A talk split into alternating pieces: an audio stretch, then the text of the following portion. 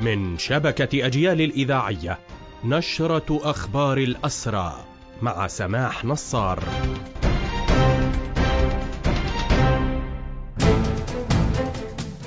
أهلا ومرحبا بكم. إلى هذا اللقاء حملات الاعتقالات اليومية يواصلها الاحتلال ومنذ مساء أمس حتى صباح اليوم الاثنين طالت الحملة حوالي أربعين مواطنا على الأقل.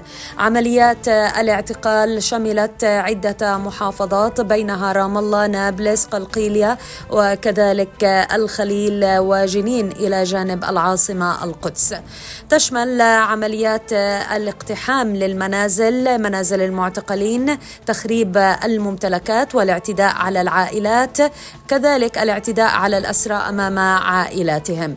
مجمل عمليات الاعتقال التي نفذها الاحتلال منذ السابع من أكتوبر طالت 5730 معتقلا وذلك في إطار حملة واسعة في حين أن هناك أعداد أخرى من المعتقلين لم يتم التعرف عليهم خاصة أسرى قطاع غزة. يشار إلى إلى أن قوات الاحتلال اعتقلت منذ بداية العام الجاري نحو 230 مواطنا على الأقل وذلك خلال أيام فقط. حملات الاعتقال المتواصلة تتصاعد بشكل غير مسبوق وتأتي في إطار العدوان الشامل على شعبنا الفلسطيني.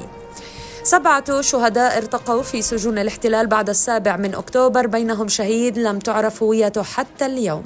فيما يواصل الاحتلال الإسرائيلي احتجاز جثامين ثمانية عشر من شهداء الحركة الأسيرة وأقدمهم الأسير الشهيد أنيس دولة وجثمانه محتجز منذ عام 1980 نواصل في أخبار هذه النشرة وفد من أعضاء المجلس الثوري ورئيس نادي الأسير وشمل محمد اللحام حسن فرج عبد الله صغاري ومحمد عبد ربه ومجموعة من الكادر في بيت لحم زاروا منزل الحاجة مزيونه أبو سرور والدة الأسير القيادي ناصر أبو سرور المعتقل في سجون الاحتلال منذ 32 عاما.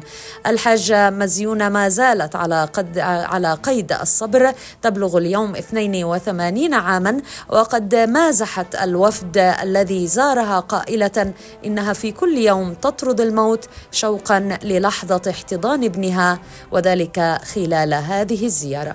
بهذا مستمعينا تنتهي هذه النشرة الخاصة بأخبار الحركة الأسيرة. قدمناها لحضراتكم من راديو أجيال تحية الحرية لأسر الحرية وتحياتي سماح نصار والمجد والخلود لشهدائنا الأبرار.